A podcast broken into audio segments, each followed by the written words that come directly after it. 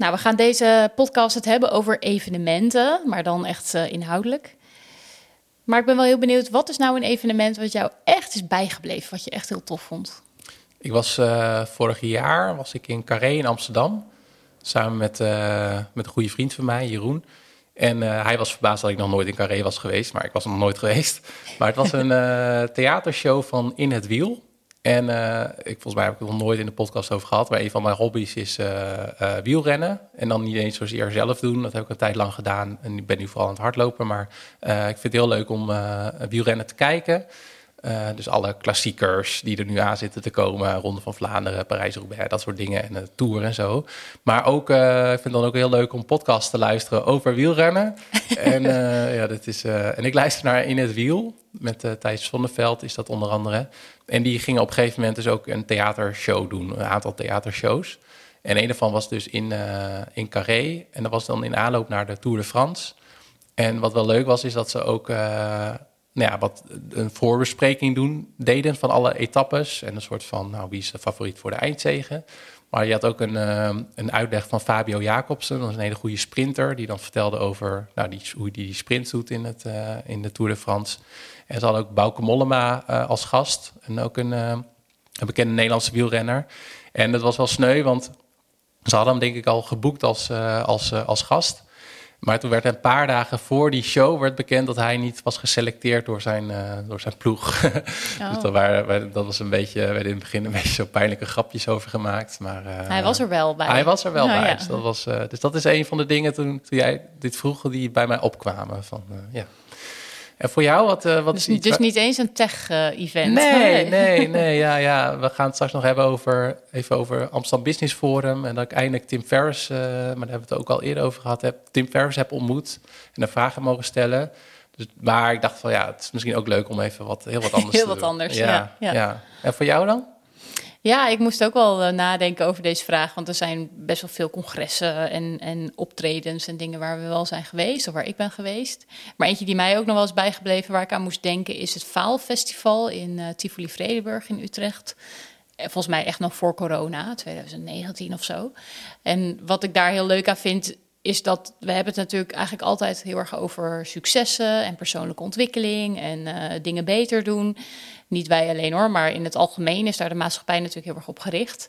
Maar ja, uh, dingen die fout gaan en misgaan, daar kun je juist ook veel van leren. En uh, dat hoort er ook heel erg bij. En ja, om dat ook meer um, toe te staan, toe te laten en daarover te hebben. Dus ik vind het heel leuk dat daar dan uh, ook een festival over was.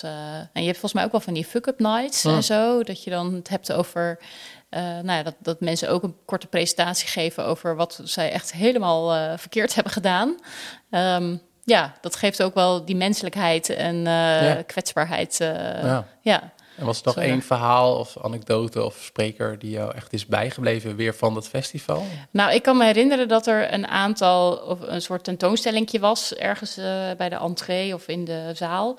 En dat er dan van die producten uh, gepresenteerd werden die helemaal geflopt zijn. en eentje was volgens mij Donald Trump The Game of zo. Dat was Mm. een bordspel over Donald Trump en zijn bezittingen, een soort monopolie of zo. nou, dat was dan blijkbaar helemaal geflopt. dus dat vond ik, dat is me echt bijgebleven. Leuk. Ja. Dus uh, nou ja, we gaan het zo nog uitgebreid hebben over andere events. Dus uh, laten we beginnen.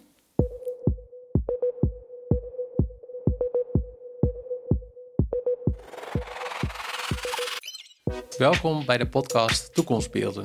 Een podcast die je voorbereidt op de toekomst. Ik ben Peter Joosten. Ik ben futurist, toekomstonderzoeker en schrijver van het boek Biohacking en Supermens. Ik help organisaties om beter voorbereid te zijn op de toekomst. Dat doe ik door het geven van interactieve lezingen en ik doe toekomstverkenningen, workshops en adviestrajecten.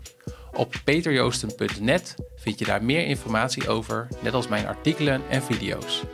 En mijn vriendin Suzanne is de host van deze podcast. Ik ben Suzanne Derlink, communicatieadviseur, wetenschapsjournalist en maker van verschillende podcasts. Ja, we gaan het in deze aflevering hebben over een aantal thema's die jij hebt opgepikt bij een paar evenementen waar je de laatste tijd bent geweest. En die evenementen die gingen natuurlijk over de toekomst en over technologie. Maar er waren een aantal overkoepelende onderwerpen of thema's die jou zijn opgevallen daar. Mhm. Uh, daar gaan we het uh, in deze aflevering straks over hebben. Maar eerst nog wat actualiteiten, dingen die ons zijn opgevallen de afgelopen tijd. Ja, zal ik beginnen? Of ja, jij beginnen? nee, trap hem af. Uh, we gaan het straks hebben over AI, kunstmatige intelligentie. Maar, uh, Verrassing. Ja, dat is niet echt een verrassing. Wat wel leuk is, is ik hou me veel bezig ook met de uh, toekomst van de zorg, zorgtechnologie, zorginnovatie. En wat naar mijn mening een beetje onderbelicht is, is nu ook de hele voortgang in uh, biotechnologie. En met name genetische modificatie. Uh, dus het aanpassen van DNA met als doel om uh, ziektes te verhelpen of als, als therapie. En een van de dingen is dat ze nu met CRISPR-Cas9, uh, was laatst in het nieuws, tien patiënten hebben behandeld. Die hebben een genetische aandoening, namelijk het erfelijk angio-oedeem. En dat is een zwellingsziekte. Dus dat je ineens plotseling, nou, dat is ook, kan ook best wel gevaarlijk zijn als het bij, bij je keel gebeurt. En het was een paper verschenen in het wetenschappelijk tijdschrift The New England Journal of Medicine. En wat ze hebben gedaan, ze hebben tien uh, patiënten. En twee van hen hadden een behandeling in Nederland. De andere in Nieuw-Zeeland of de Verenigd Koninkrijk. En die zijn op basis van zeg maar één behandeling. Waarin ze, ik weet niet precies welk onderdeel van het lichaam ze dan hebben genetisch gemodificeerd. Volgens mij heeft dat te maken met het aanpassen van bepaalde ja, een bepaald proces in de levercellen. Dus hebben ze dat gemodificeerd. Maar het is een succesvol uh, uh, experiment geweest. Dus dat vond ik echt wel. Uh, dus dat waar die mensen normaal gesproken zeg maar, elke dag een, een, medicijn moeten slikken, lijkt het er nu op gewoon dat het. ja, dan, hoe zeg je dat? Aanpassing in ja. het gen. En ze ja. hebben het niet meer eigenlijk. Ze hebben ziekte. het niet meer. Nee. nee. Wauw. Ja, want dat is ook eerder ook al gedaan met sikkelcelziekte, als ik het goed begrijp. Ja, klopt. En dat is, voor zover ik iets van CRISPR-Cas weet, is dat het alleen nog maar lukt met inderdaad met wat jij misschien ook wou zeggen, single gene uh, ziekte. Dus waar maar één heel specifiek gen bij betrokken is. Want als het ja. allerlei genen zijn die allerlei verschillende processen bij betrokken zijn, is het natuurlijk heel ingewikkeld om iets te modificeren. Maar als je één specifiek gen ja moet aanpassen, dan lukt het met CRISPR-Cas. Misschien in de toekomst ook wel ja, meer. Ja. Maar... maar dat is inderdaad klopt. Ja, er zijn uh, een aantal aandoeningen die voorkomen door één enkele mutatie.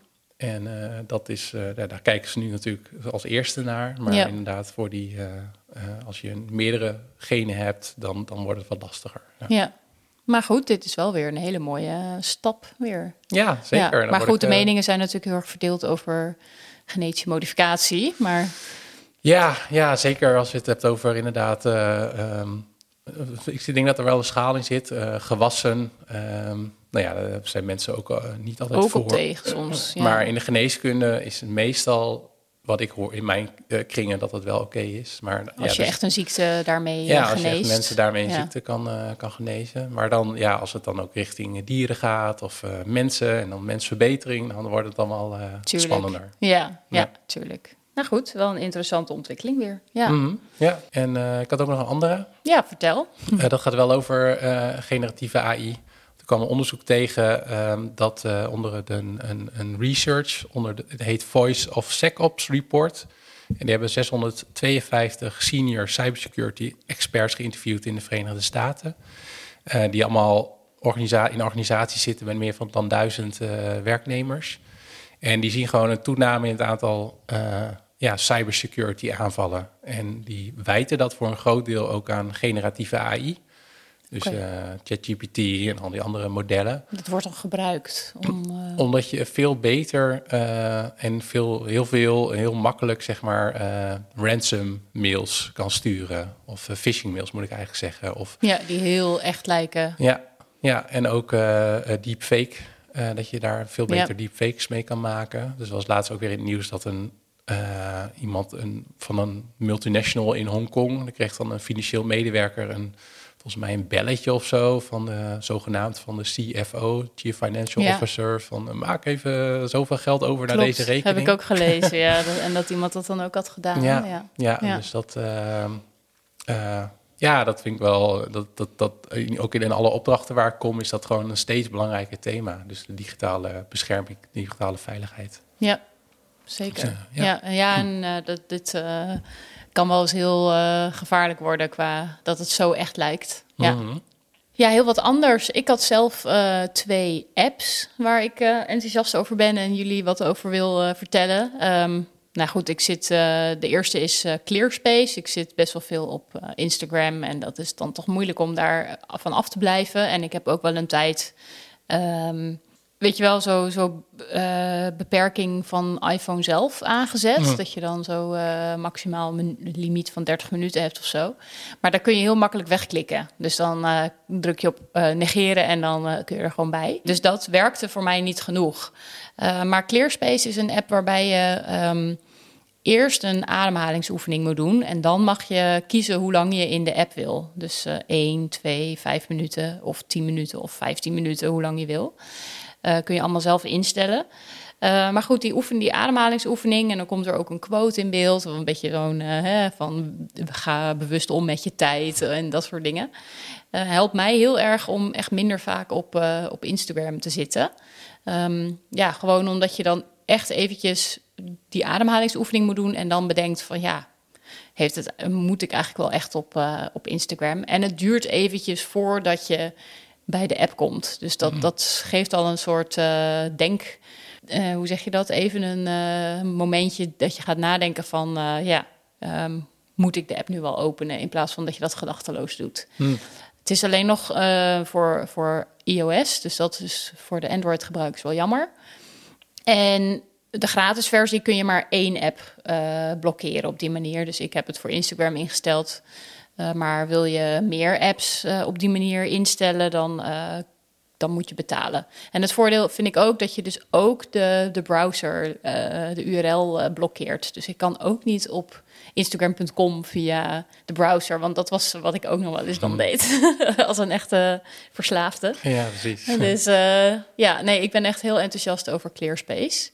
En nog een andere app die net is gelanceerd en die ik nog aan het uittesten ben, is Atoms van James Clear, de schrijver van het boek uh, Atomic Habits. En uh, dat gaat natuurlijk over kleine gewoontes die op de lange termijn uh, ja, veel impact kunnen hebben. En ja, je hebt natuurlijk heel veel van die habit trackers. Hè? Dat je elke dag zoveel glazen water moet drinken of zoveel stappen moet zetten, et cetera. Maar um, ja, de, de, de theorie van James Clear is heel erg om het te koppelen aan een bepaalde identiteit uh, van jou, wat je wil worden. En ook dat je het koppelt aan bepaalde momenten in de, op de dag, bijvoorbeeld. Van om acht uur ochtends, na het wakker worden, ga ik even schrijven in mijn dagboek. En ik, dat doe ik om deze en deze reden, met dit doel. Dus dat je dat, ja. En dan, nou ja, goed, ik heb de app nu net gedownload en ik ga er eens mee experimenteren. Maar ik ja, ben wel echt fan van James Clear. Dus ja, de app Atoms Zo, ja. is ook leuk om te gaan testen. Ja. Heb jij hem al gedownload? Want jij bent ook wel echt van de habits. Ja, nee, nog niet. Ik wel Clearspace heb wel gedownload. Ja. Atoms ben ik ook wel benieuwd naar. Tot nu toe doe ik het tracken van dat soort dagelijkse en wekelijkse dingen en nog in een schrijfboekje. Maar nou ja, had ik, ik, uh, ik, vraag over een uh, week wel hoe het jou bevalt. Ja, dat is goed. ik ben nog trouwens nog wel benieuwd over dat Clearspace. Merk je ook verandering bij jezelf? Ja, um, ik zit wel, ja, sowieso gewoon significant minder op uh, Instagram en op mijn telefoon. Dus mijn, mijn schermtijd is echt wel omlaag gegaan. en dat heel, geeft heel veel rust. Ja, ik ik merk wel echt verschil. Ja, hm. Ja, ja. Nee, ik, ik ook hoor. Ja, wat, wat lichter hoofd of zo. Het, uh... Ja, Instagram voelt ook wat minder uh, groot onderdeel van mijn dag. En, mm -hmm. uh, en na vijf minuten, stel je stelt hem in op vijf minuten en daarna is de tijd op. Dan kan ik hem ook veel makkelijker weer wegleggen. Hm. Dus ja. ja, het voelt meer als van, nou, ik mag af en toe gewoon even aan het einde van de dag. Hè, we hebben gegeten, de kleine ligt op bed. Nou, dan even op de bank, dan eventjes door Instagram scrollen. En dan na, na tien minuten is het weer, blokkeert hij weer en dan is het weer klaar. En dan ja. is het ook wel goed Precies, meestal. ja, dan uh, is het ook wel goed. Terwijl ik eerst dan nog wel eens, blijf je gewoon hangen in, uh, in dat algoritme. Ja, nee, dat, ik merk verschil, zeker. Ja, leuk. Ja, en jij nog iets uh, tot slot? Ik kwam nog een, een berichtje tegen dat, ik weet niet of jij dat ook hebt gezien, dat uh, Tetris eindelijk is uitgespeeld. Ja, dat heb ik ook ergens voorbij zien komen, maar ik weet niet precies wat dat uh, betekent. Want ja, ik heb, uh, um, er is geen officieel einde aan Tetris. Ah. Alleen na 155 levels, als je het eigenlijk perfect speelt, dan is er de mogelijkheid dat het werkgeheugen overstroomt en dat eigenlijk de game vastloopt. En dat geldt een Ah. beetje als het ja, officieel uitspelen van, van Tetris. Maar er was geen mens eerder die het was gelukt. Wel kunstmatige intelligentie. En er was een jongetje een van 13, William, even opzoeken, Willis Gibson. Uh, en daar, hij, heeft het ook, hij was ook aan het filmen. Het is een heel grappig videootje dat hij echt helemaal aan het hyperventileren is op het moment dat het is gelukt. Ja. en uh, het was wel schattig, want zijn vader is een paar maanden geleden was hij overleden. En hij heeft ook die, zijn prestatie zeg maar ook opgedragen aan Oh, zijn uh, ja. overleden vader. Ja. Nou, Dus, wel eh, knap hoor. Ja. Ja. Hoeveel jaar na dato? Dat is echt een van de eerste games, eh, denk ik. Ja, wel nee, een dat- oude. echt wel een uh, Ja. oldschool game Ja. inderdaad. Ja.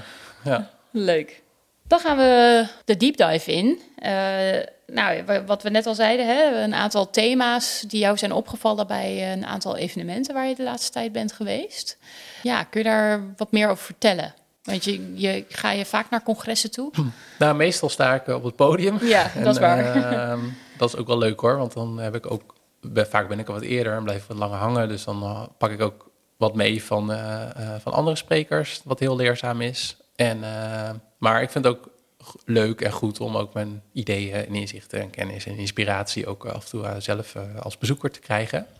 De afgelopen periode ben ik naar een aantal congressen geweest en daar heb ik een, ook weer een aantal thema's uitgehaald. En voor nu wou ik er drie uitlichten.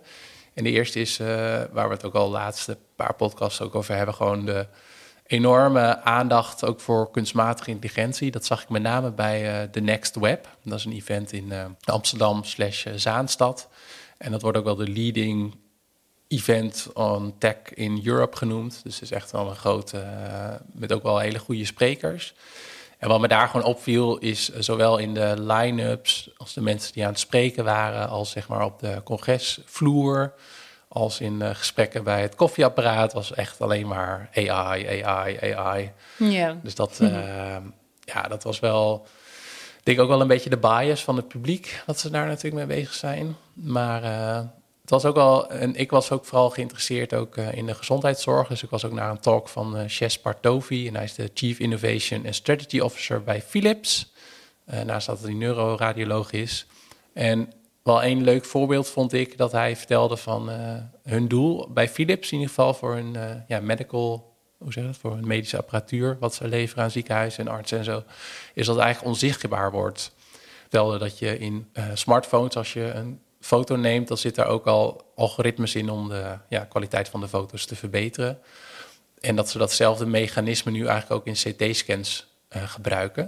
En het voordeel daarvan is eigenlijk dat, dat je minder straling nodig hebt voor de patiënt. En dat het eigenlijk ook dus eh, de kwaliteit van die CT-beelden verbetert. Eh, maar dat merkt de patiënt, ja, behalve dan wat ik net zei, merkt daar verder niks van. De arts hoeft daar verder niks voor te doen, maar dat is allemaal onzichtbaar, allemaal aan de achterkant. Dus dat vond ik wel een mooi praktisch voorbeeld van, eh, ja, van AI en hoe dat in de zorg ook kan helpen.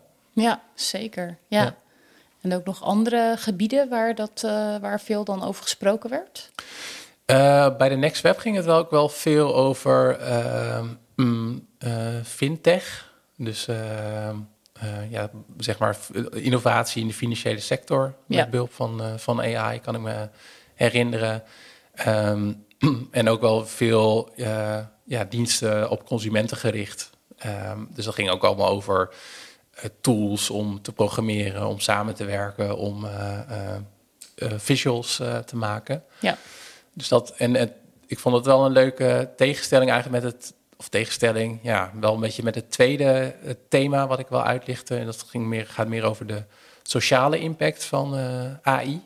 Of de culturele impact van AI. Want daar was, naar mijn mening, op de Next Web, misschien is dat ook niet helemaal de plek ervoor, weinig aandacht voor. Dus het ging daar met name over de commerciële mogelijkheden.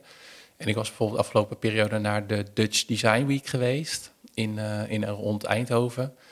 En daar was A, was er ook al een bredere mix aan thema's. Dus dan ging het ook over slimme materialen. Dus kunnen we ook op een andere manier ehm, huizen bouwen, wat, wat eh, minder CO2-uitstoot betekent. En, eh, of kleding wat je draagt en wat dan wat je vervolgens kan wordt gecomposteerd bijvoorbeeld. Maar over AI ging het daar ook over, was bijvoorbeeld een stand van De Waag, zo'n instituut uit Amsterdam, over meer ook een debat of discussie. Wat is nou de publieke impact ook van kunstmatige intelligentie? En ik moest ook denken aan een, uh, was ook een project uh, missjourney.ai. Dat was dan opgezet door TEDx Women Amsterdam.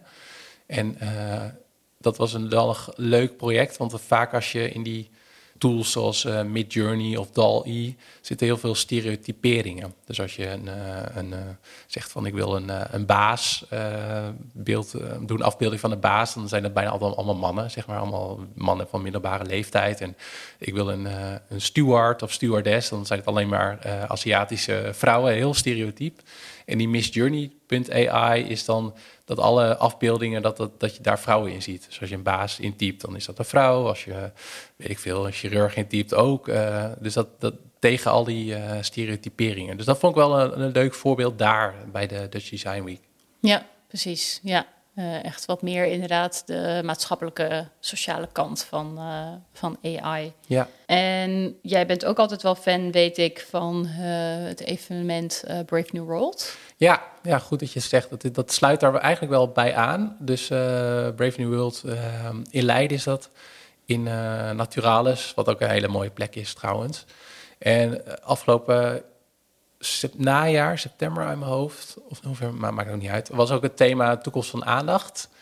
En daar was AI wel wat minder nadrukkelijk aanwezig. Maar een van de talks die ik wel interessant vond was van Re Regina Joseph. En die, kijkt, die haalde een aantal onderzoeken aan over uh, de impact van social media. dat sluit wel weer aan op, op yeah. de app waar we het over hadden. En uh, volgens haar is er ook een afname van academische prestaties. Uh, en dat komt tegelijk een beetje op met de opkomst van de, ja, van de smartphone en van social media. Van, kunnen we ons minder goed concentreren door social media? Zijn we eerder afgeleid? En uh, uh, iets anders wat, wat ik wel interessant vond, is dat ze ook liet zien dat er minder diversiteit en verscheidenheid zit in de muzieknummers van de uh, top 100 van afgelopen, in, in Amerika van de afgelopen jaren. Uh, dus zij, zij eh, komt dat ook door een soort van uniformisering van onze culturele smaak. Dat, uh, ja, die, die, vraag wierp ze op. Ja. En ehm, ja, dat zette mij wel aan het denken als je en gaat die generatieve AI, dat je zelf teksten kan laten maken, zelfs video en audio kan laten maken, leidt dat tot meer creativiteit en, en betere muziek, boeken en films? Of juist tot een ja, ja, één grote uniforme massa. Ja, middelmaat. Het, precies, dat het allemaal steeds meer op elkaar gaat lijken. Ja, daar ben ja. ik wel een beetje bang voor. Ja, dus, uh, ja. ja interessant, zeker. Het, uh, het, AI en social media en al die zaken staan natuurlijk ook niet los van elkaar. Het heeft nee. allemaal impact op elkaar. En... Het is wel goed dat ze dat uh, daar adresseren en een deel van de oplossing zit denk ik in, in wet en regelgeving en een deel ook in nou, technologie die je zelf kan gebruiken als uh, consument, waar, wat je in, ook in het begin zei. Uh, en ook bewustwording. Maar het is lastig, want er zit ook heel veel geld achter. En de mensen bij die social media techbedrijven, die, uh, daar zitten de slimste koppen met heel veel budget. En ja, die er Klopt. alles aan doen om onze aandacht vast te houden. Dus, ja, ja, het het is inderdaad, uh, eigenlijk is het ook wel weer een beetje triest dat je een app op je telefoon moet downloaden om ervoor te zorgen dat je weer minder op een andere app op je telefoon zit, zeg maar. En dan denk je, ja, waarom verwijder je niet gewoon Instagram? Maar ja, dat doe je dan ook weer toch weer niet. Ik heb het nee. ook wel een tijdje gedaan, maar dan vind ik toch wel weer manieren om er toch ook wel weer af en toe op te kijken. Dus uh, mm -hmm. ja, het, is, uh, het probeert aan alle kanten je aandacht te grijpen.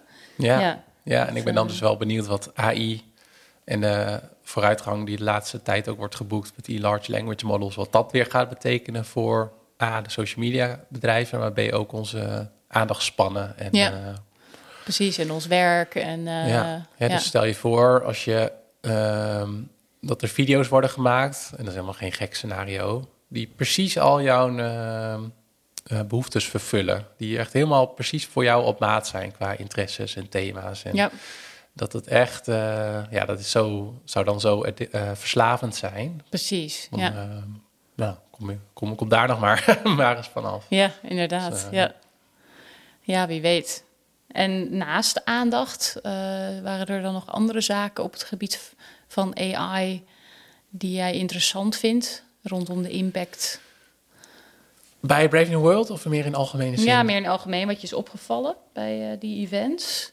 Um, nou, ook wel dat veel organisaties nog wel een beetje aan het zoeken zijn van uh, wat moeten we er nou mee? En dan merk ik ook als ik uh, opdrachten doe, bijvoorbeeld voor gemeenten of voor, voor bedrijven, van, uh, die zeggen van ja, het is er, maar wat moeten we er nou mee? Ja. En we zien dat onze collega's het al wel gebruiken, maar eigenlijk is ons standpunt dat we het, ja, dat we het afraden of dat we het. En dat, en dat vind ik zelf ook wel interessant, want ik ben ooit opgeleid als bedrijfskundige. Dus ik ben mijn laatste tijd daar ook meer op aan het richten. Van, en niet alleen van wat zijn ontwikkelingen die op ons afkomen, hoe kun je daar ook beter op voorbereid zijn. En uh, ja, wat mij betreft zorg je inderdaad ook dat er ruimte is voor experimenten, voor kleine pilots, dat je het allemaal niet te zwaar optuigt. Ja. Uh, geldt ook voor AI. En, want op het moment dat je dat doet, je, je kan wel zeg maar weer uh, met z'n allen nadenken en filosoferen over wat het zou betekenen, uh, dit soort dingen voor je bedrijf of voor je leven.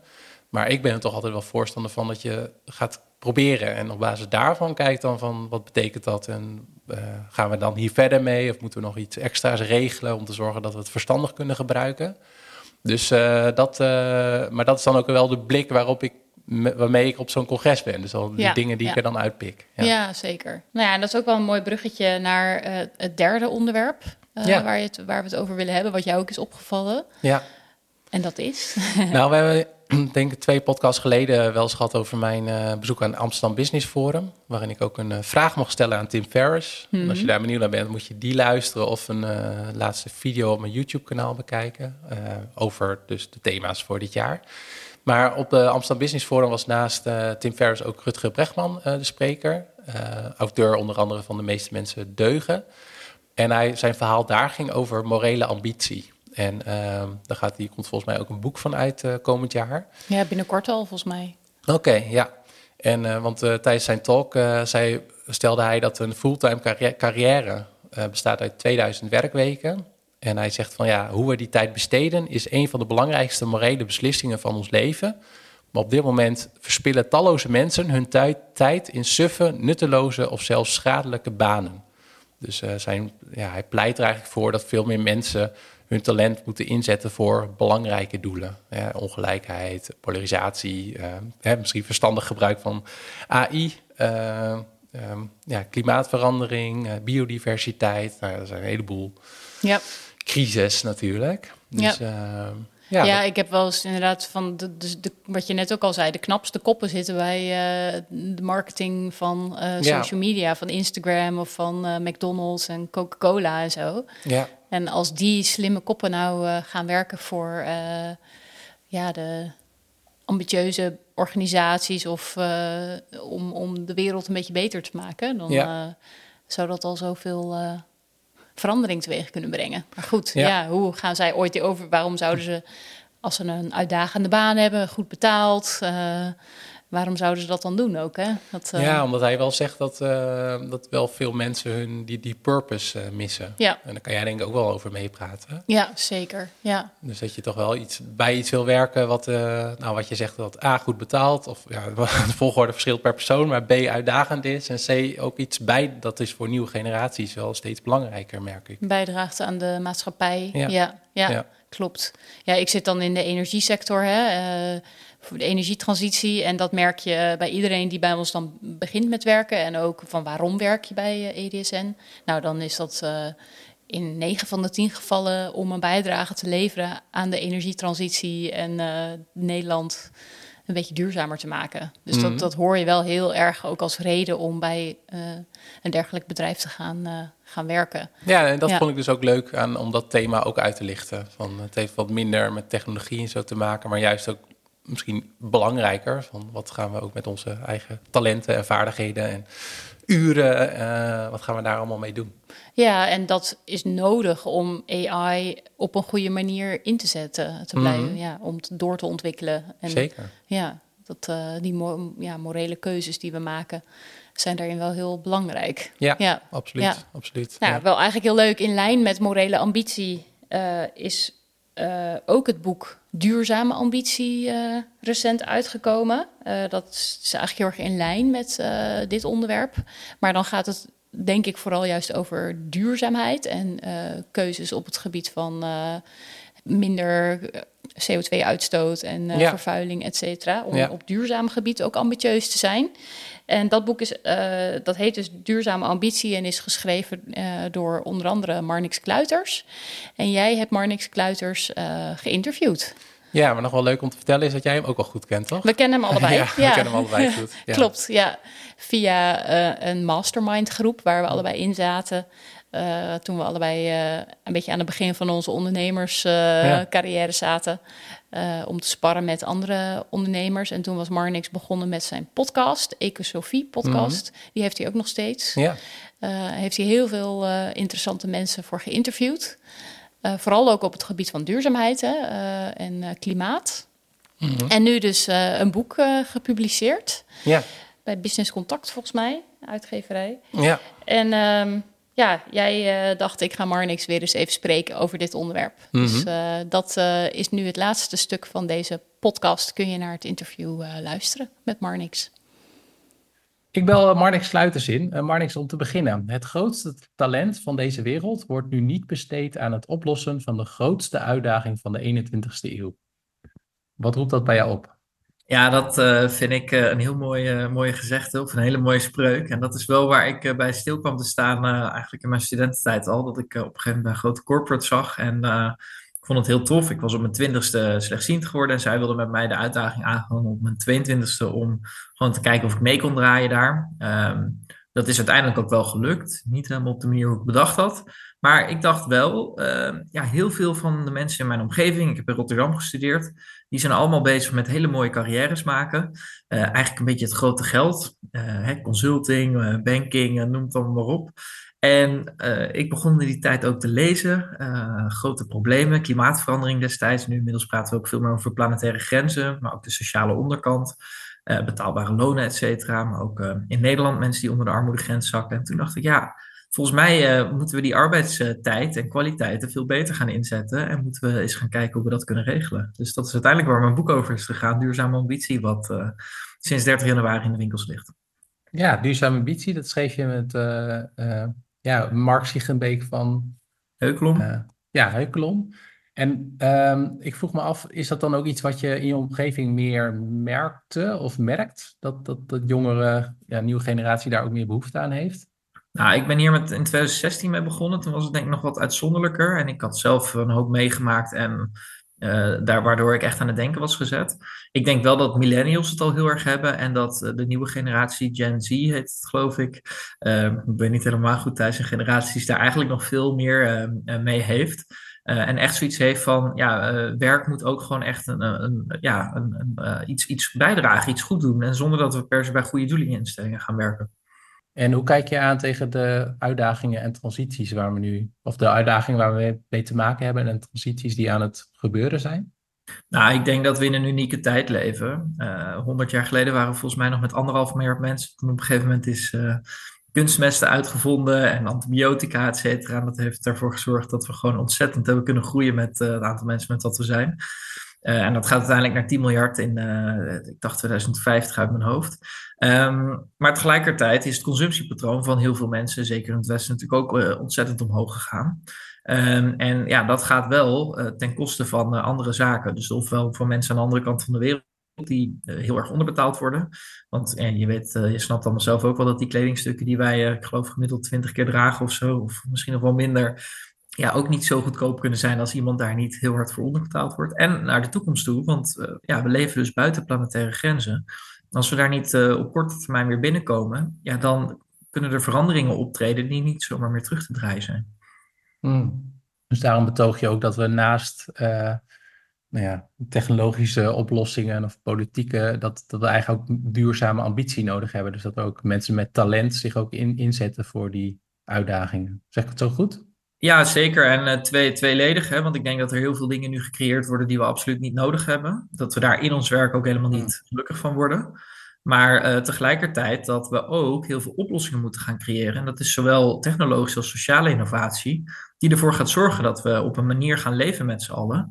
Uh, die dus binnen die planetaire grenzen is. En ervoor zorgt ook dat uh, ja, iedereen, en dat is waar mijn Ecosofie-podcast ook om draait. De centrale onderzoeksvraag is: hoe kunnen we Ehm, streven naar een goed leven voor iedereen binnen de ecologische grenzen van één aarde.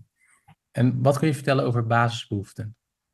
Um, nou, dat is iets waar ik heel erg door gefascineerd ben door Chi Chu. Ik geloof dat die bij jullie ook wel bekend is. Ja, zeker. Uh, Suzanne ben ik volgens mij ooit uh, met hem in aanraking gekomen, nog voor een andere podcast. Um, maar uh, Chi, die viel mij een keer aan op LinkedIn. Omdat ik had, ja, ik, ik had gepropageerd in een andere podcast dat we uh, flinke belastinghervormingen moesten hebben en dat we gewoon alles keihard moesten gaan beprijzen. En um, toen, toen zei hij eigenlijk in een vrij scherpe post van, nou, volgens mij moeten we transities laten beginnen bij de mens. En als we dat, uh, ik heb nog nooit gezien dat EX4 begint bij de mens, of over, echt over mensen gaat. Of meer met mensen, want we hebben het in transitie vaak over mensen en dat gaat heel erg mis. En hij zei, we moeten ervoor zorgen, en dat zijn meer mijn eigen bewoordingen nu, maar uh, we moeten ervoor zorgen dat mensen uit de weerstand gaan en in uh, de weerbaarheid komen en dus veranderbaarheid worden. Um, en dat betekent dat er naast biologische basisbehoeftes, die we allemaal wel een beetje kennen, hè, het eten, slapen, het dak boven je hoofd, ook psychologische basisbehoeftes zijn. En dat zijn binding, competentie en autonomie. Dus uh, je begeven in groepen waar je jezelf kan zijn. Um, competentie is meesterschap ervaren, je ontwikkelen. En autonomie is dingen doen die je leuk of belangrijk vindt. Um, en als je daarin wordt gefrustreerd, dan ga je vaak uh, streven naar allerlei zaken, zoals roem en rijkdom. Uh, en uh, ben je eigenlijk ja, vooral ja, met andere dingen bezig en, en, niet zo nauw met de overheid, et cetera. En als je daarin bevredigd wordt, dan ga je streven naar veel meer intrinsieke doelen, zoals maatschappijverbetering, gezondheid, sociale relaties. Um, en dan geloof je vaak ook het verhaal vanuit instituties. Dus uh, dit is wel heel kort door de bocht, maar uh, dat vind ik wel een hele interessante manier om vanuit de mensen te denken. Hoe, hoe kunnen we nou mensen meekrijgen in een transitie? Want we staan voor best wel grote uitdagingen. En volgens mij zien we ook gegeven de verkiezingsuitslag dat ja, we, we, niet echt goed zijn in het, of het mogelijk maken voor mensen om bevredigd te raken in die psychologische basisbehoeftes. Mm, dus je zegt eigenlijk van er is te weinig aandacht voor deze psychologische basisbehoeftes. Ja, zeker. Ik denk dat we heel veel dingen heel erg economisch proberen op te lossen. En daar zit zeker een onderdeel van de oplossing. Maar dat is uh, zeker niet alles. Ja, interessant wat je van T hebt geleerd. En uh, ik uh, had ook het voorgesprek over. Ik ben ook altijd wel onder de indruk van de, ja, de, de kennis en de inzichten die hij ook deelt. Um, dus dat is leuk. Ik uh, ben ook wel benieuwd wat je een ander podcastproject, uh, die ik ook in de show notes van deze podcast zou zetten. Eh, naast de ecosofie is dat je ook eh, een podcast maakt, een economie voor de 22e eeuw. Want jij bent ook opgeleid als, als econoom. Wat is één ding wat je hebt geleerd in, in die serie?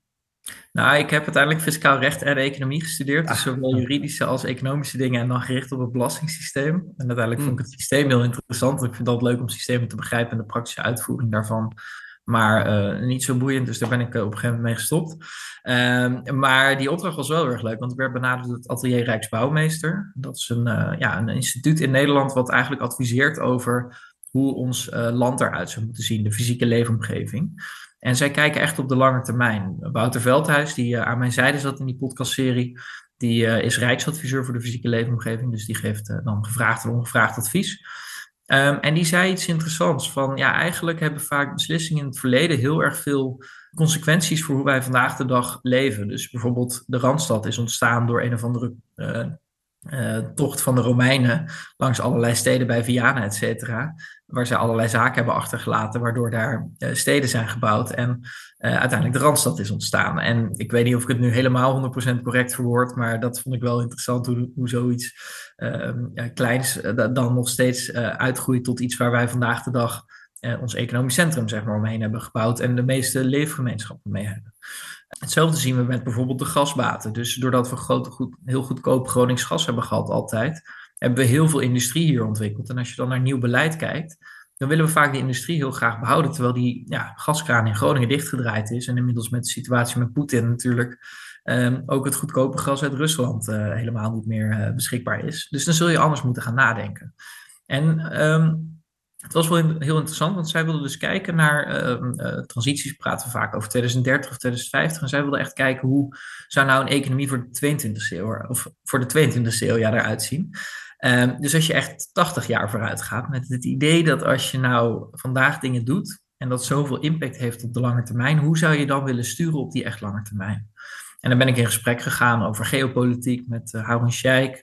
Uh, wat onder andere inging op dat er misschien best wel eens anti-westers sentiment zou kunnen ontstaan. Over, over, hoe de demografische ontwikkelingen zijn. Zoals uh, Afrika, wat van 1 naar 4 miljard mensen gaat.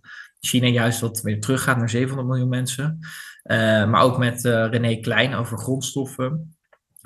Letitia Oyet over de energietransitie. Um, en over eigendom nog met uh, Damaris Matthijssen. Dus zo heb ik allemaal gesprekken gevoerd over ja, de, eigenlijk de beslissing die je vandaag de dag moet nemen om echt een goede, duurzame economie voor de echt lange termijn te organiseren. Hmm. Ik heb uh, Haroon Sheikh ook laatst ook op een congres gehoord, Brave New World. Ik was ook wel onder de indruk van zijn ja, manier van denken en ook hoe hij het uitlegde. Dus ehm, was ook leuk om te horen. Ja, dat is ook weer zo iemand die uh, echt ontzettend veel weet. En, uh, maar ook echt wel uh, aan het denken heeft gezet op sommige gebieden.